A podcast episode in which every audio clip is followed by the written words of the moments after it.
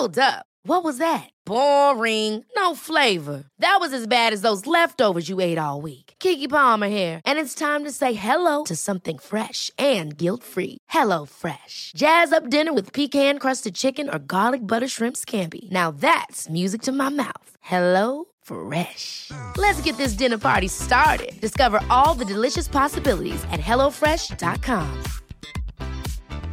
I'm Sandra, and I'm just the professional your small business was looking for. But you didn't hire me because you didn't use LinkedIn jobs. LinkedIn has professionals you can't find anywhere else, including those who aren't actively looking for a new job but might be open to the perfect role, like me.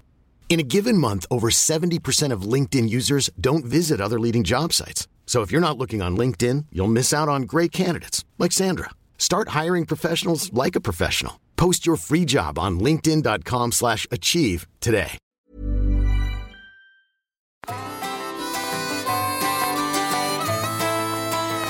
Hej och välkommen till Toppenjakts podd. Idag med mig, Lars Li Pettersson och med Lex. Hej Lex! Tjena, hej! Hur är läget? Det är bra, det är svinbra. Det är, det är rätt gött att vara hemma igen. Kul. Eh, vi har ju hur- varit borta på lite äventyr. Ja, precis. Eh, Det, kan, det får vi prata om, men jag, hur mår du? Jag mår jättebra och jag är tillbaka i podden. Eh, det var ju ganska många avsnitt sedan jag var med i podden och det är en del som har frågat vart jag tagit vägen. Men nu, nu gör jag comeback och jag gör stor comeback och håller i, försöker moderera den här eh, podcasten också idag. Oh yeah. Jag säger som LL Cool J. Don't call it a comeback. Men det är härligt att du är med. Kör Ja. du. Mm. Det känns eh, svinhärligt. Det var länge sedan vi poddade och framförallt du och jag. Ja, verkligen. Det blir kul. Eh, vi har ju lite att prata om. Eller hur? Ja, ja verkligen. Eh, och vi kommer väl prata ganska mycket gissar jag om våran vildrensjaktturné som vi var på. Ja. Ja, och till och med, alltså för mig var det ju både björn och eh, vildren, eller för flera av oss var det, men kanske inte just för dig, din stackare. Mm. Ni börjar ju med björnjakten starkt där också med Rasmus. Värmde upp, kan man säga. Ja. I finvädret. ja. Och sen åkte ju du direkt till Norge och eh, även Lex, och, eller Lex ja, det är du det. Eh, även Jens och Kalle. ja, precis. Det var ju tre av oss. Ja, stämmer bra. Och Lill-Oves tå hängde ju med också. och Lill-Oves tå. Och sen, bara för att gå händelserna lite förväg, så efter Norge och renjakten så åkte Kalle och Jens och jagade älg. Det gjorde de. Idag är de på hemmaplan. Stämmer bra. Jag träffade Lill-Ove idag senast. Han såg faktiskt eh, stark ut. Ja, han gjorde det. Frågan som alla undrar sig på in, hela internet är ju status på Lill-Oves tånagel. Mm. Det är jag ju rätt person att fråga. Eh, nej, men uh, sanningen där är väl att han har ju bara gått jävligt mycket och den var smårisig innan. Det får han, eh, nu, han får fixa en uppföljning där åt folk. Alltså, jag kan, ju, jag kan ju summera lite. Jag var ju faktiskt med live när den åkte av. Åh. Det var, jag tror det var andra dagen på fjället och när vi stannade med den där kojan. Då satt han utanför och skulle byta sockar och den där tån har ju varit trött ända sedan multisporttävlingen. Ja, för exakt. väldigt, väldigt många år sedan. Men nu, nu var den så trött som att liksom, den satt lite för hårt fast egentligen kring liksom, ja, vad det nu sitter i kring en nagel. Så till och med så att Lill-Ove grimaserade lite när han fick med lite mer våld än tänkt bryta bort sista biten för att få bort den. Men Ja. det, hade, det hade ju inte kunna gå att ha kvar den stora tånageln som hängande i en flärp där i. Nej. Nej. Men, och det, för alla så, det är alltså så här att eh, Lill-Ove tillsammans med Kalle och två andra starka, de tog sig för egen maskin från Stockholm till Åbo för några år sedan. Och så har den varit lite sliten, precis som Lars säger, sedan dess. Och det som hände nu var att den eh, sakta blev värre och värre och de som följer på Instagram, de har ju kunnat följa den av Lill-Oves tås resa helt enkelt. Det kanske får en eget konto. Ja, precis. Vissa så här, hundar och katter har ju som ett eget konto. Det är nästan så att Lill-Oves tånagel får ett eget konto som man kan följa updaten. Ja, tänk dig den comebacken alltså. Oj, oj, oj. Ja. för för nu, nu är det lite som att vänta barn. Nu, nu är man ju väldigt spänd och nyfiken på vad som kommer att, om det kommer någonting Ja, ny, nytt där. ja, vi får väl se. Mm. Vi får, vi får hålla alla följare uppdaterade där. Mm. Absolut. Men nu ska vi prata mer om eh, oss, va? Om oss och om ren. Och en vanligt förekommande fråga som vi har fått, eh, vilket kanske är fullt naturligt, det är ju frågan hur skiljer man på en tamren och en vildren? Vad skulle du säga Alex? Oh! eh, om den går mitt i vägen och inte vill flytta på sig, då har den en ledtråd, tänker jag. Nej, men, eh, jag, fick, jag har också fått den frågan och, och eh, jag blev lite så här ställd första gången, men eh, eftersom att när man väl är på fjället så är det liksom ingen fråga. De har inte Nej. någon vidare bekymmer med att det går in tamren där i någon större utsträckning. Och Eh, ja, alltså de man jagar är helt enkelt, man behöver inte tänka på det, de är vilda. Men tamren är eh, märkta i min värld. Och det var det jag svarade i alla fall. Ja, just det. Precis. Jag, jag skulle nog säga så här, om man bortser från att den är märkt i örat eller sprayad blå på röven och halsband, så skulle jag nästan säga att man märker skillnaden på att den beter sig faktiskt som ett vilt djur. Mm. Jättevarsk, jätteskygg och liksom den här naturliga majestätiska mm, starka formen på den. Vi, eh, när man får se dem på nära håll på ett fältvilt, då ser man liksom, åh jäklar vad liksom muskulöst kompakt Mm. eh, djur, viltdjur, vilket jag inte man tycker ser på en, en tamren. Den är som lite mer så här, ja, slapp.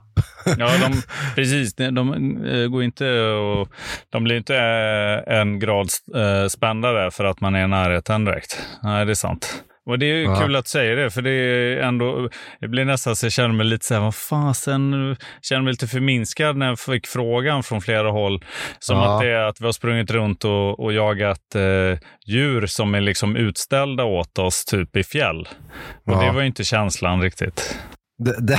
Där kan vi ju båda svara, det är absolut inte den känslan. att de är utställda på ett fjäll. Eh, för, för vildrensjakt, för den som inte vet om det, så går det ut på att man går och går och går och går och går. Mm. Det går ut på. Mm. Sen en jätteviktig grej som vi fick erfara, det var ju det här med vinden. Det är ju, all, det är ju viktigt i all jakt givetvis. Men eh, just på ett fjäll, eftersom det är så, det finns ju inget träd. Det, vinden snor ju inte runt eller liksom, ja, kommer lite här och där. Utan ligger vinden på länge som det gjorde för oss, på nordanvind, då går ju djuren mot vinden. Och då kan de ju gå tre nationalparker Ja, bort. precis. Ja, det, precis. Det, man får vara, om man är en duktig renjägare så är man eh, eh, duktig på deras beteende helt enkelt. Och, och för mig, det är svårt att leta igenom de här 30 000 hektaren till fots i fjäll.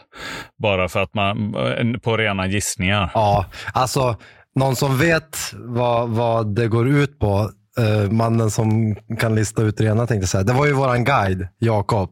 Mm. Han var ju, jag har varit jätteimponerad av han. Han var ju superhärlig, ödmjuk, hade humor, fattade allt och så var han bara en maskin och en renfinnare. Det som, eh, en eh, sån här sak som jag tar med mig från honom var från första dagen att eh, man, man förstod ju på att han skulle vara duktig eftersom han, han har ju växt upp och jagat hela sitt liv i de här fjällen. Så det var väl, det kunde man ju gissa. Mm, Men att eh, tidigt så, eftersom det var en söndag, var det, ja, det var mycket folk i alla fall som var uppe på fjället.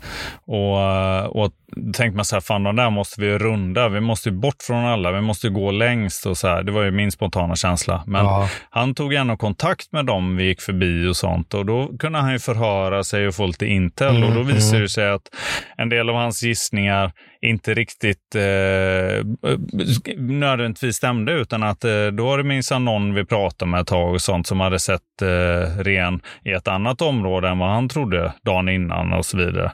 Så det var ju just det här eh, liksom, eh, eh, vad ska man säga, sociala delen i det också. Så han, han lyfte fram för mig som jag tyckte var Det var nice. Det var superhärligt. Det kändes fräscht. Det kändes så härligt också på de här stora vidderna.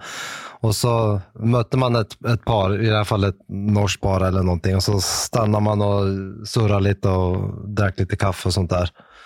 Och det var sån himla Och- härlig gemenskap på fjället. Ja, men precis. Ja. Särskilt eftersom vi hade en, en med oss som pratar norska. Mm. Förmodligen.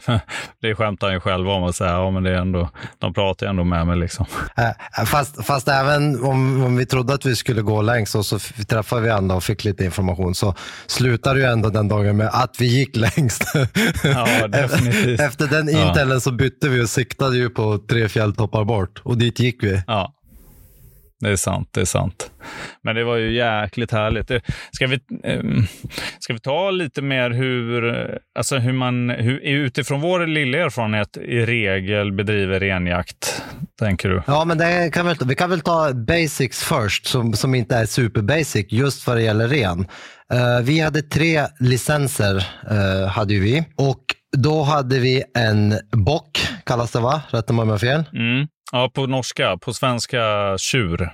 Eller kapital. Ja, på norska bock i alla fall. Och så hade vi ju en kalv och så hade vi ju en simla, ordet simla som vi har haft lite kul åt. En Simla, semla. sim. Ka- Om man kastar en ren i, i, en, i vattnet och, så blir det en simla då, om den simmar. Precis. Kalles skämt. Kallas Ja. skönt. Eh, och det är ju tre olika djur. Men sen, så för att krydda till det lite extra så alla, alla ren, renar, rendjur tänkte jag säga, alla renar har ju horn. Vilket gör det också svårare om, om det är en flock till exempel som vi faktiskt lyckas hitta på någon flock. Så är ju alla djur hornbärande. ja, Och just det, ytterligare en dimension. Stor bock och liten bock. just det. Och där fanns det också dimensioner. Ni som nu är mer erfaren än mig och jaga eh, kronhjort och dov och sånt där. Det är väl lite samma sak där va? Ja, precis. Det kan vara lite olika. För det, det, det på liten och stor, det var ju eh, att man tittar på eh, vilka, hur många spetsar det är i topp på kronan, alltså Precis. på hornen. Och då fanns det ju någon så här biregel där att om det bara är två stycken på ena sidan, då kan det vara 70-11 stycken Mm. på andra sidan. Och så kommer den, då kommer den vara asmaffig, men den kommer fortfarande gå som en liten bock. Eh, men det, det vanliga var väl att det var max tre i topp på varje sida på, i kronan. På en Så vill jag liten också bock. minnas. Vi har ju dokumenterat allt här och Ja. fått, så vi har ju facit inspelat om vi, Ja, om vi behöver uppdatera oss. Och vi känner, jag känner en som klipper det också. Ja, du gör det va? Ja. Det är typ två terabyte data. Men det datat ser helt magiskt ut och hela den här resans tripp kommer ju gå ut på att vi ska släppa en mäktig film. Så det blir ju superroligt. Yes. Så jag jagade ju inte någonting på fjället. Jag jagade bara med kameran. Så buret runt på en kamera i tre dagar som har vägt fem kilo. Så lite trött i biceps måste jag säga. Den blev ju större för varje dag, det såg jag ju. Ja, men eller hur? Visst blev den det? Ja. Och den var stor innan.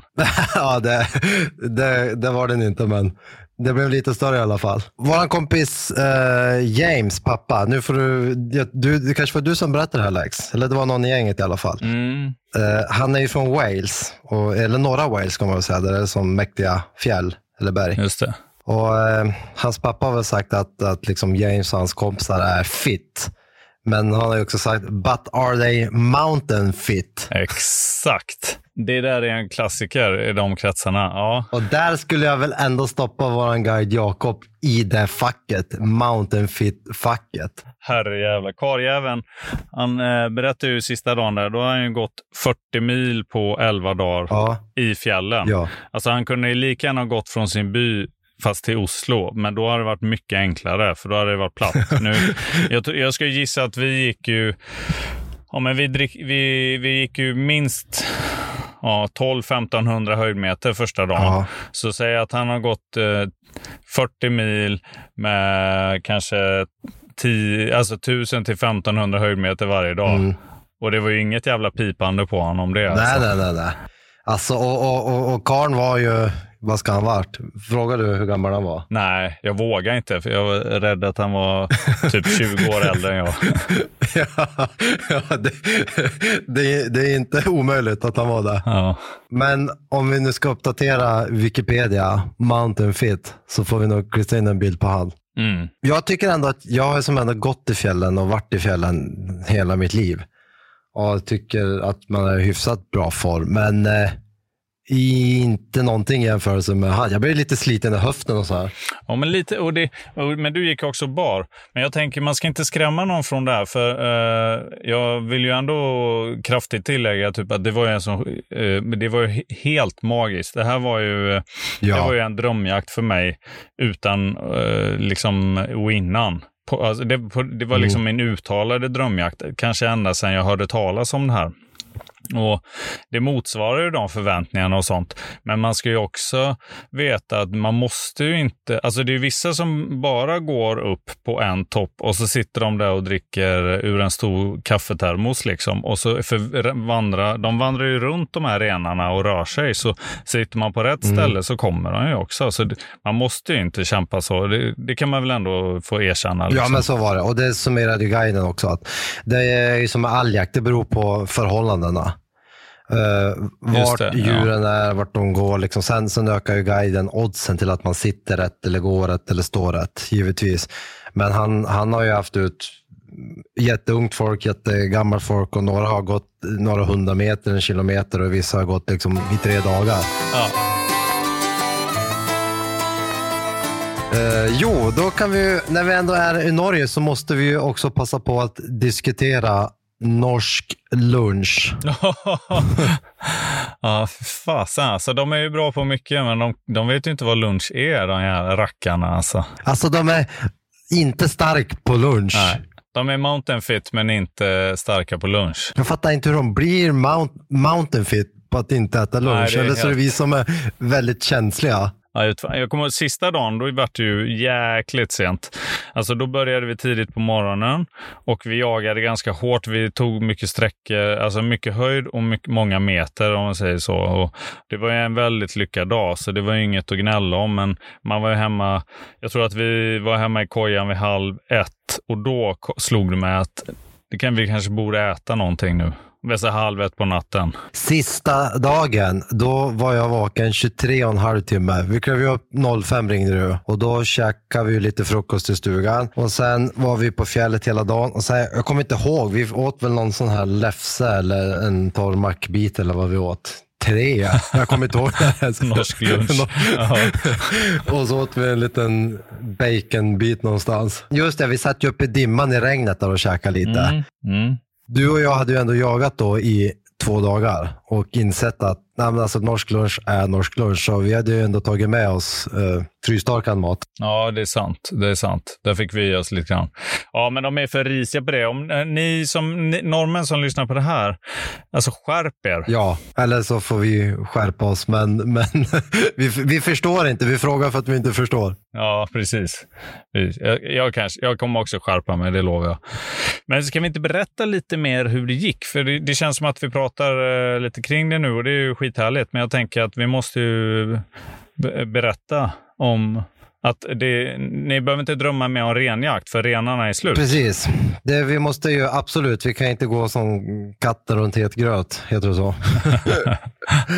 Berätta Lex, du hade ju ändå licens. Ja, från början till slut så gick det till så här att Eh, Pang-Anders eh, i sitt, liksom, sitt altruistiska bästa jag eh, som in, och inte skulle vara med. Han arrangerar ju en väldigt, väldigt sportslig, renhårig lottning. Den var ju helt bulletproof.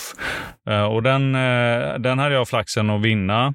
Och då betydde det att jag fick välja djur först. Vi visste då att vi hade de här tre licenserna på kalv, simla och bock eh, på norska.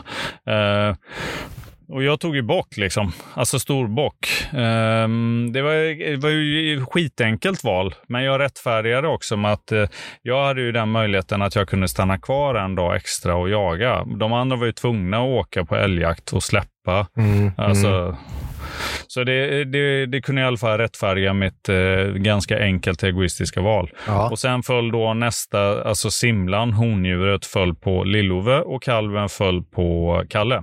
Mm. Så så gick det till. Och, och de fick vi skjutit. Och jag skulle också säga att eh, de, vi fick skjutit dem efter egentligen alla våra förväntningar. Ja. Alltså upplevelsen och allt det där. Jag, det är enda egentligen som bröt uh, mot det som jag hade föreställt mig kring renjakt, det var att jag hade ju sett framför mig det här släpandet. Och det blev ju släpande på djur och så, men Mm. det var ju också, vi hade ju också den otroliga lyxen att ha redan bokat till och med då med en hästtransport eftersom att vi hade eh, den stora Mm. bocken. Och det var väl egentligen det enda som bröt av typ mot vad jag hade föreställt mig. För vid den, vi, vi drog ju det esset ganska fort ur ärmen när, när det låg en stor bock. För det, det var ju, man kan ju skämta om det innan och sånt, men det hade ju blivit några vänder och det var ju, då var det, två och en halv timme enkel marsch till kojan. Så det hade ju blivit, ja men då hade jag hållit på i två dagar och burit djur, eller kött liksom. Den stora bocken hade du fått kämpa på gode länge. Ja. Så, ja, det, det kändes som att jag vek ner mig, men istället så fick jag ju också eh, råcool upplevelsen med också en till gubbe som jag absolut inte ville fråga hur gammal han var, för jag misstänkte att han var minst 70.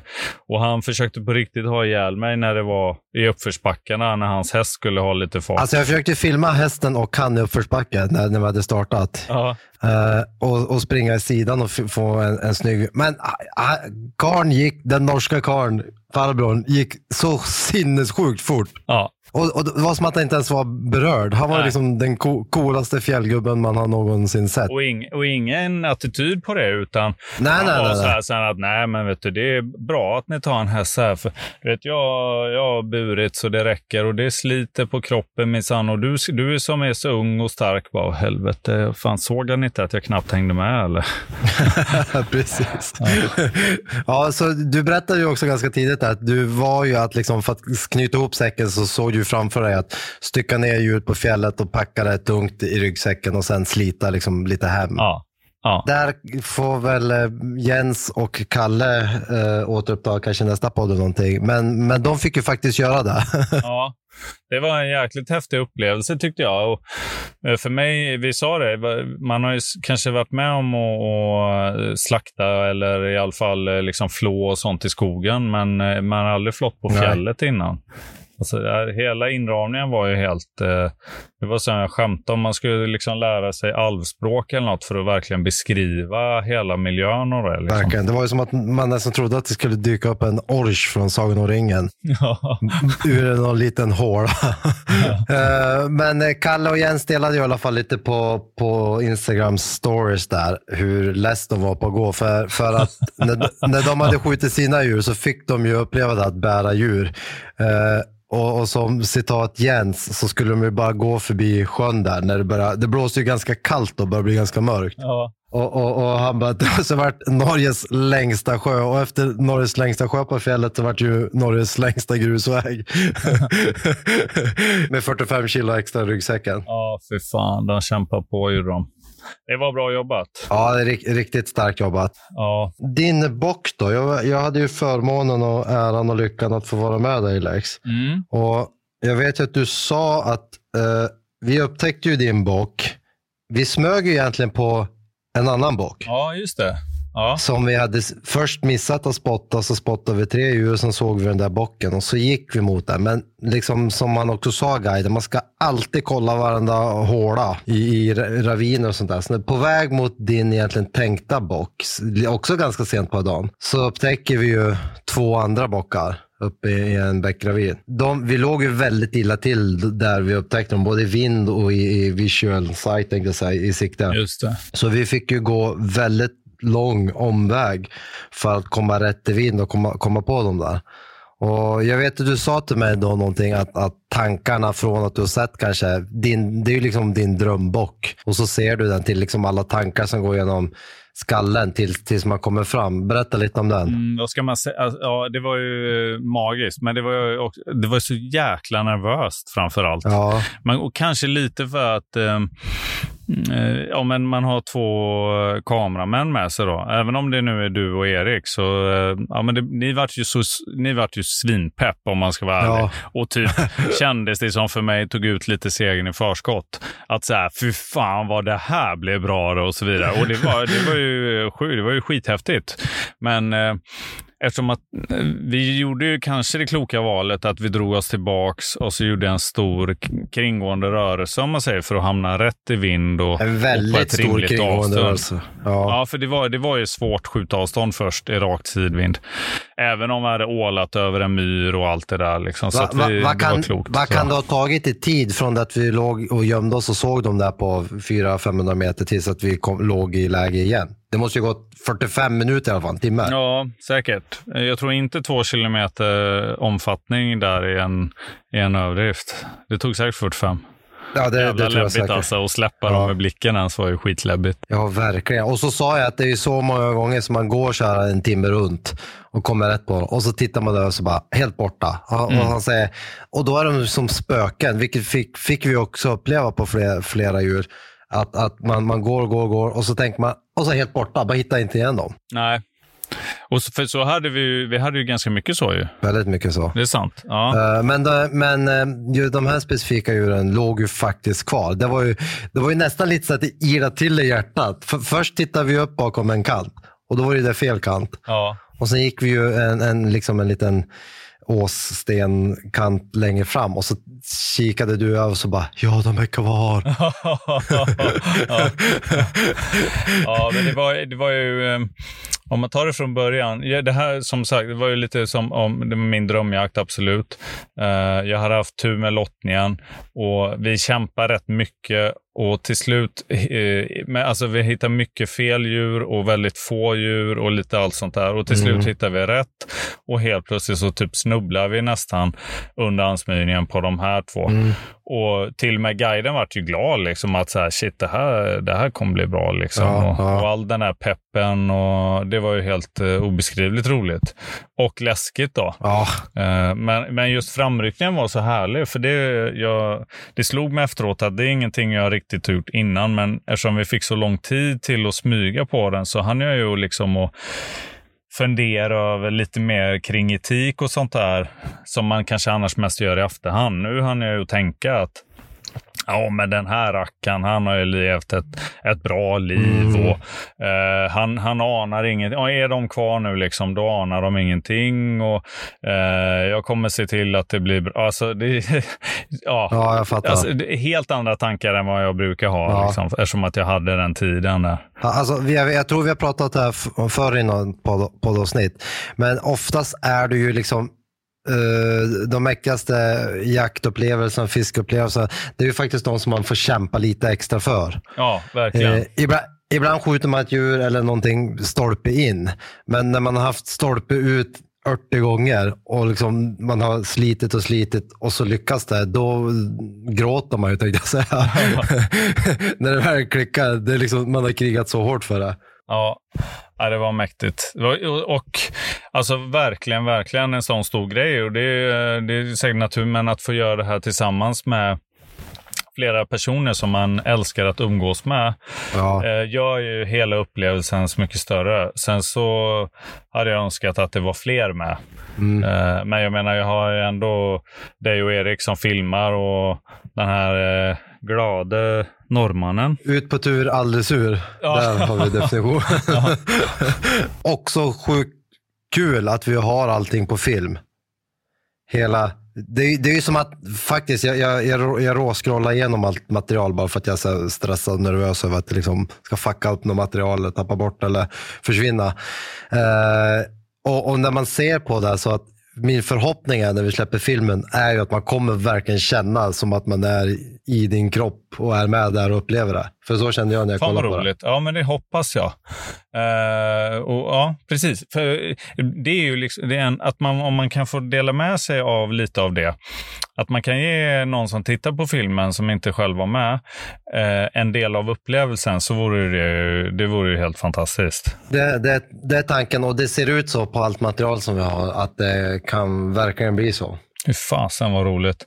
Alltså, jag måste säga att jag är också jag är jävligt imponerad av eh, både dig och Erik, hur ni bara kämpar med och uh, liksom sprang upp och ner och kors och tvärs, tog olika vinklar och bara runt på de här kamerorna. Liksom. Det är ju rätt gött att gå runt där som någon form av liksom gevärskött. Som bara, jag ska skjuta, jag ska skjuta ett skött förmodligen. Moviestar, fjällets Greta Garbo. ja, jag var imponerad. Prylar då? Hur var det med prylar? Din, vad, vad var det bästa och sämsta du hade med dig ut på fjället? Uh, uh, uh, min bästa var kik, handkikan. Ja. Det kan jag förstå. Den var ju svinviktig. Även om eh, guiden var, eh, han var lite bättre än jag på att hitta ren, eller kanske typ lite väldigt mycket bättre. Mm. Men man vande sig efter ett tag. Det luriga i Norge är att de eh, är ju, eh, luriga de eh, jävlarna, för de sätter ju ut massa får i fjällen. Och bland de här vita fåren så, mm. så gömmer de något brunt får ibland. Så man blir svinexalterad då när man kommer och bara, och nu jävlar, kolla här guiden, nu har jag hittat en ren. Bara, ja, menar du det där bruna fåret där borta eller? Ping Lill-Ove. ja, ja. Det har vi också på film. Var, ja, han, han höll också på, men jag var rätt duktig på det med måste säga. Ja, ja. Men nej, det var, så var det. Han, alltså fan. Eh, jakt utan handkikare, det blir ett, ja, nej det blir inte lika bra. Då man, då man körd. Ja. Alltså, det var lite som när man började jobba, jaga toppfågel tycker jag. Att i, från början så visste man inte vad man skulle leta efter. Hur ser det ut? Vad har du för färg? Vad har du för nyans? Blänker? Är den vit eller röd? Förstår du? Mm. Och också svårt med det här när man tittar på 100 meter eller 500 meter eller en kilometer eller två kilometer bort. Hur ser det ut på de avstånden? Ja. Men guiden har gjort det här i 48 år. Så att han svepte ju bara av det med en halvliten kika. Bara, ja, där är det någonting och där, det finns ingen där. Och, alltså att, som ett tränat öga. Så att efter ett tag måste jag ändå säga att, att ni, ni alla blev ju duktiga på att faktiskt se vad det var vi tittade efter. Ja, men, ja, det är sant. Det är lite som att få svampögon. Eller man, man väl har hittat en svamp så ja. Ja, precis. Jo, men så kändes det väl lite. Och, sen, men, och till handkikan så både jag och Kalle hade ju också avståndsmätning i. Och det, eh, det är inte lika mycket värt som själva handkikan, men det är helt klart nice. Är det. det märkte man ju. Vad saknar du i din ryggsäck eller på, i kläderna? Uh, uh, uh, jag, tror, jag tror jag vet det. Jag kan svara åt ja, dig. Ja, ja, svara du. Solkräm. Tack. jag, fan, jag bommade solkräm då och jag bommade nu när, när jag får frågan. Ja, det har du fan rätt i. Solkräm, eh, om man är som jag, då kan man behöva solkräm på soliga dagar på, på den höjden hela dagen. Jo, det är sant. Jag, jag tror, jag tror man tänkte lite så här, eh, och även jag, jag hade en stor rand av glasögon och mössa när jag kom hem. Ja. Eh, såg ut som jag varit på Marbella en vecka. Jag tror att vi tänkte att det är så sent på året och så, men man är ju ändå exponerad för ljuset från morgon till kväll. Ja. På hyfsat, jag är nu inte hög höjd, men Nej. vi var ju kring 1200. Men jag tror bara att det är allmänt mycket sol och nu var det ju två, två kanondagar, två och en halv. Ja. Det var inte ett moln på himlen. Nej, men det är sant. Solkräm är väl det. Annars, eh, om jag ska vara lite mer tråkig, så måste jag säga att jag skulle vilja dela eh, upplevelsen. Inte nödvändigtvis just eh, eh, skjuttillfälle och sånt, men alltså hela upplevelsen med fler. Alltså, typ min kvinna till exempel. För det var så jävla mm. storslaget liksom och jag bor så jäkla långt ifrån hela den miljön annars. Ja. Uh, men trots det som, som jag är så är jag ju väldigt tacksam att uh, jag fick göra med toppenjaktsgänget. Liksom. Det var ju helt de, de var ju så de var ju så mysiga de här små hytterna som var gömda mm. lite här och där. Vi kunde ju gå hur länge som helst. Så bara, ja, men här nere ligger det lite, och så var det som en liten så här hobbit-håla med, med grästak och så kröp man in där och kollade så var det en supermysig hytta som liksom alla, det kostade en hundring eller någonting. Ja. Den, den, var öppen för alla, man kunde värma sig, man kunde sova över. Många renjägare eller fiskare sover ju i de där. Men de ligger ju liksom långt ut på fjället. Mitt, och, och rätta mig om fel, men jag går ju på vad, jag litar ju på guiden i det fallet. Och det ska ju vara bra fiske i flera av de här små pölarna man går förbi, så det är ju även värt för, för den som gillar det mest. Liksom. Mm, mm. Och det är ju allmänna vatten, så vem som helst kan ju fiska, köpa kort de där. Ja, det är så pass? Ja, fan vad coolt ja, alltså. Ja. ja de, för då kan man ju gå ut och gå till en sån hytta, betala 100 spänn med någon form av norsk swish och sen eh, fiska 6 kilos öringar i någon liten fjälldamm. Precis. Ja, coolt. Norsk vip, Vips heter det Norge va? Ingen aning. Jag är ingen fiskekille. Nej, alltså Swish. Norska Swish. Ja, Swish. Ja, Swish. Det tror jag heter Vips ja. i Norge. Det låter ju lite roligt. Nej, det kan ju till och med vara ett tips att, skaffa det om man ska åka runt. Det var ju lite så här grindslantar man skulle betala och sånt om man skulle parkera bilen och så.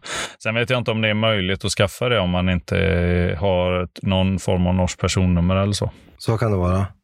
Eh, det var ju kul en dag när vi kom tillbaka. När, då hade vi också gått en hel dag. Vi såg ett djur den dagen. Vi gick, vi gick, vi gick.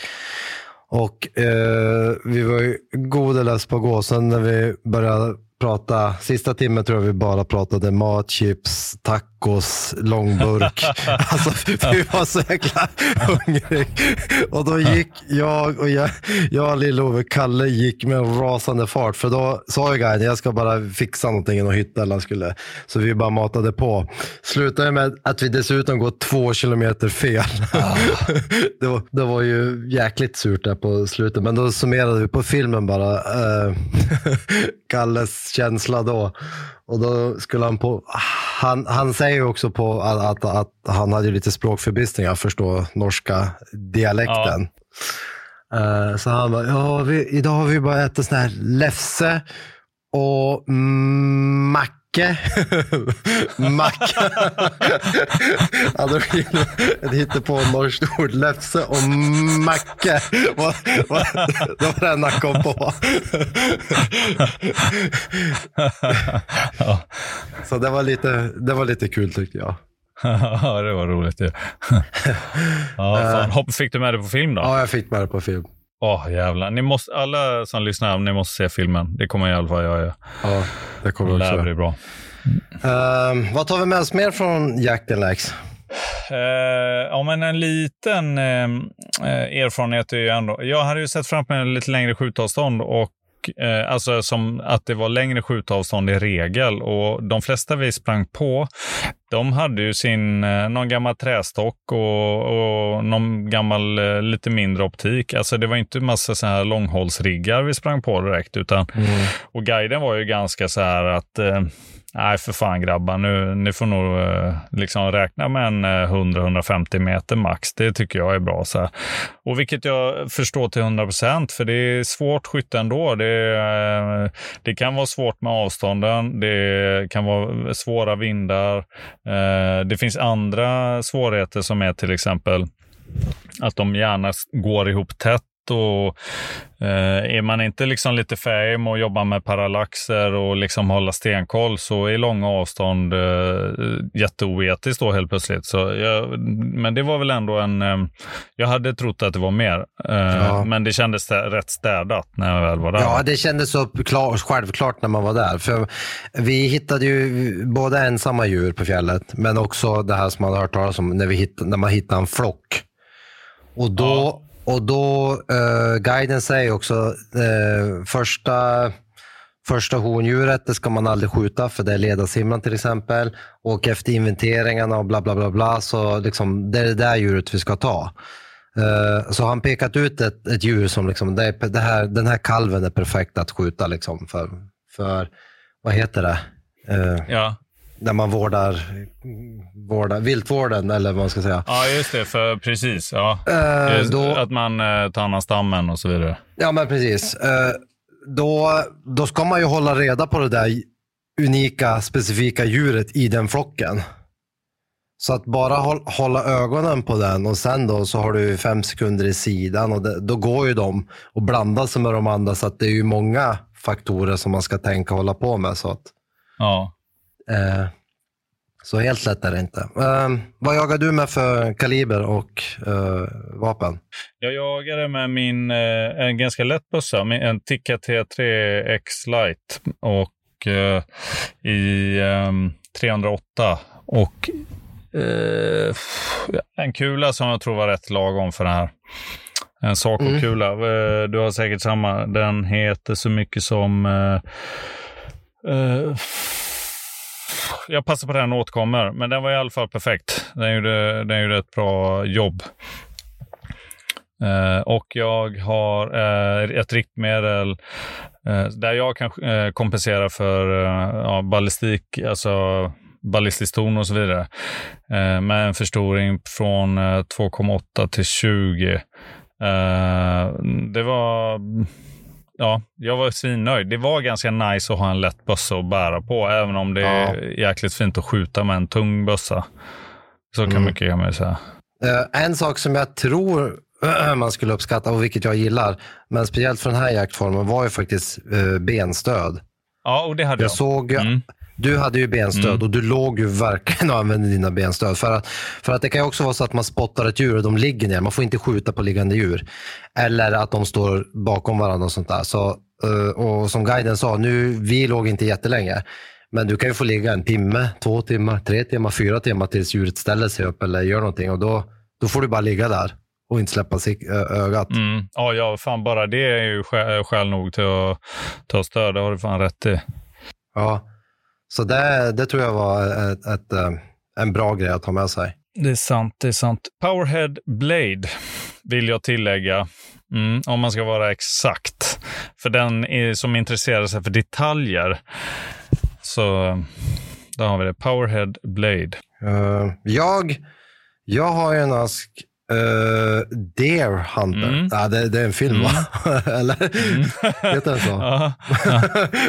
men det var någon som skojade så att den borde heta Reindeer den namn. ja, men det, det, ja, det måste men, vara den heter, ja. Just det.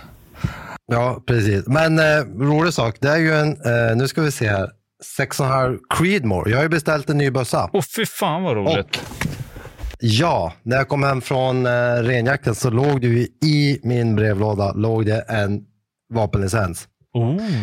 Så bössan är på väg till mig. Jag har aldrig skjutit med det märket, jag har aldrig skjutit med det siktet och alltihopa. Så, men givetvis så kommer jag behöva eh, dra en update på hela den riggen. Tanken är att jag ska skjuta lite längre med den. Toppfågel och om vi jagar igenom fler gånger bla, bla, bla, bla. Svinkul ju. Du är, jag vet att du är vass på det där också. Kul. Uh, ja, så det, det, det blir väl update på det. Uh, så det får vi följa upp. Annars har ju, är ju podden slut nu. Ja, ja, den måste nog vara det. Uh, ja, kul. fan vad mysigt vi har haft bra, bra pepp på nästa och uh, det där ser jag fram emot. Uh, när du liksom ett annalkande inzoomningssyndrom luktar där. Det ska bli kul ja, det... att följa. Eller, eller, eller en garagefilm med mig och Pang-Anders. där vi som vanligt går igenom allting men har ingen aning om vad vi gör. En kioskvältare. Härligt. Men underhåll, underhållande tv, situationstecken. Eh, super. Tack för idag, Lars. Tack för idag, Lex. Tack ni som lyssnar. Ja, lyssnarna. Och tack för alla DMs och alla e-mail och allt som ni skickar på oss. Det är superkul att ni hänger med i stories. Och, så glöm inte att följa oss på uh, Toppenjakt på Instagram eller uh, hjälp mig Lex, uh, toppenjakt.gmail.com. Och våran podd finns där poddar finns. Mm, Spotify, iTunes, ja. Med mera, eh, Acast och så vidare. Och så vidare. Har vi glömt ja. någonting? Ja, YouTube. YouTube-kanal. Där har vi också fått fråga om björnfilmen. Det kommer ju en björnfilm på YouTube snart givetvis. Ska bara hinna klippa ihop allt material. Gå in och prenumerera. Det är bara att göra. Ja, så syns vi nästa gång. Puss och kram alla. Ha det bra. Grymt. Puss och kram. Bra. Hejdå. Hej, hej.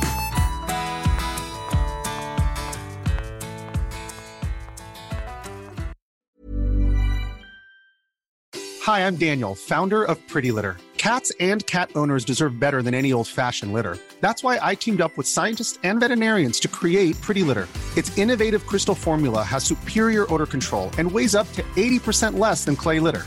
Pretty Litter even monitors health by changing colors to help detect early signs of potential illness. It's the world's smartest kitty litter. Go to prettylitter.com and use code ACAST for 20% off your first order and a free cat toy. Terms and conditions apply. See site for details. Hold up. What was that? Boring. No flavor. That was as bad as those leftovers you ate all week. Kiki Palmer here, and it's time to say hello to something fresh and guilt-free. Hello Fresh. Jazz up dinner with pecan-crusted chicken or garlic butter shrimp scampi. Now that's music to my mouth. Hello Fresh. Let's get this dinner party started. Discover all the delicious possibilities at hellofresh.com.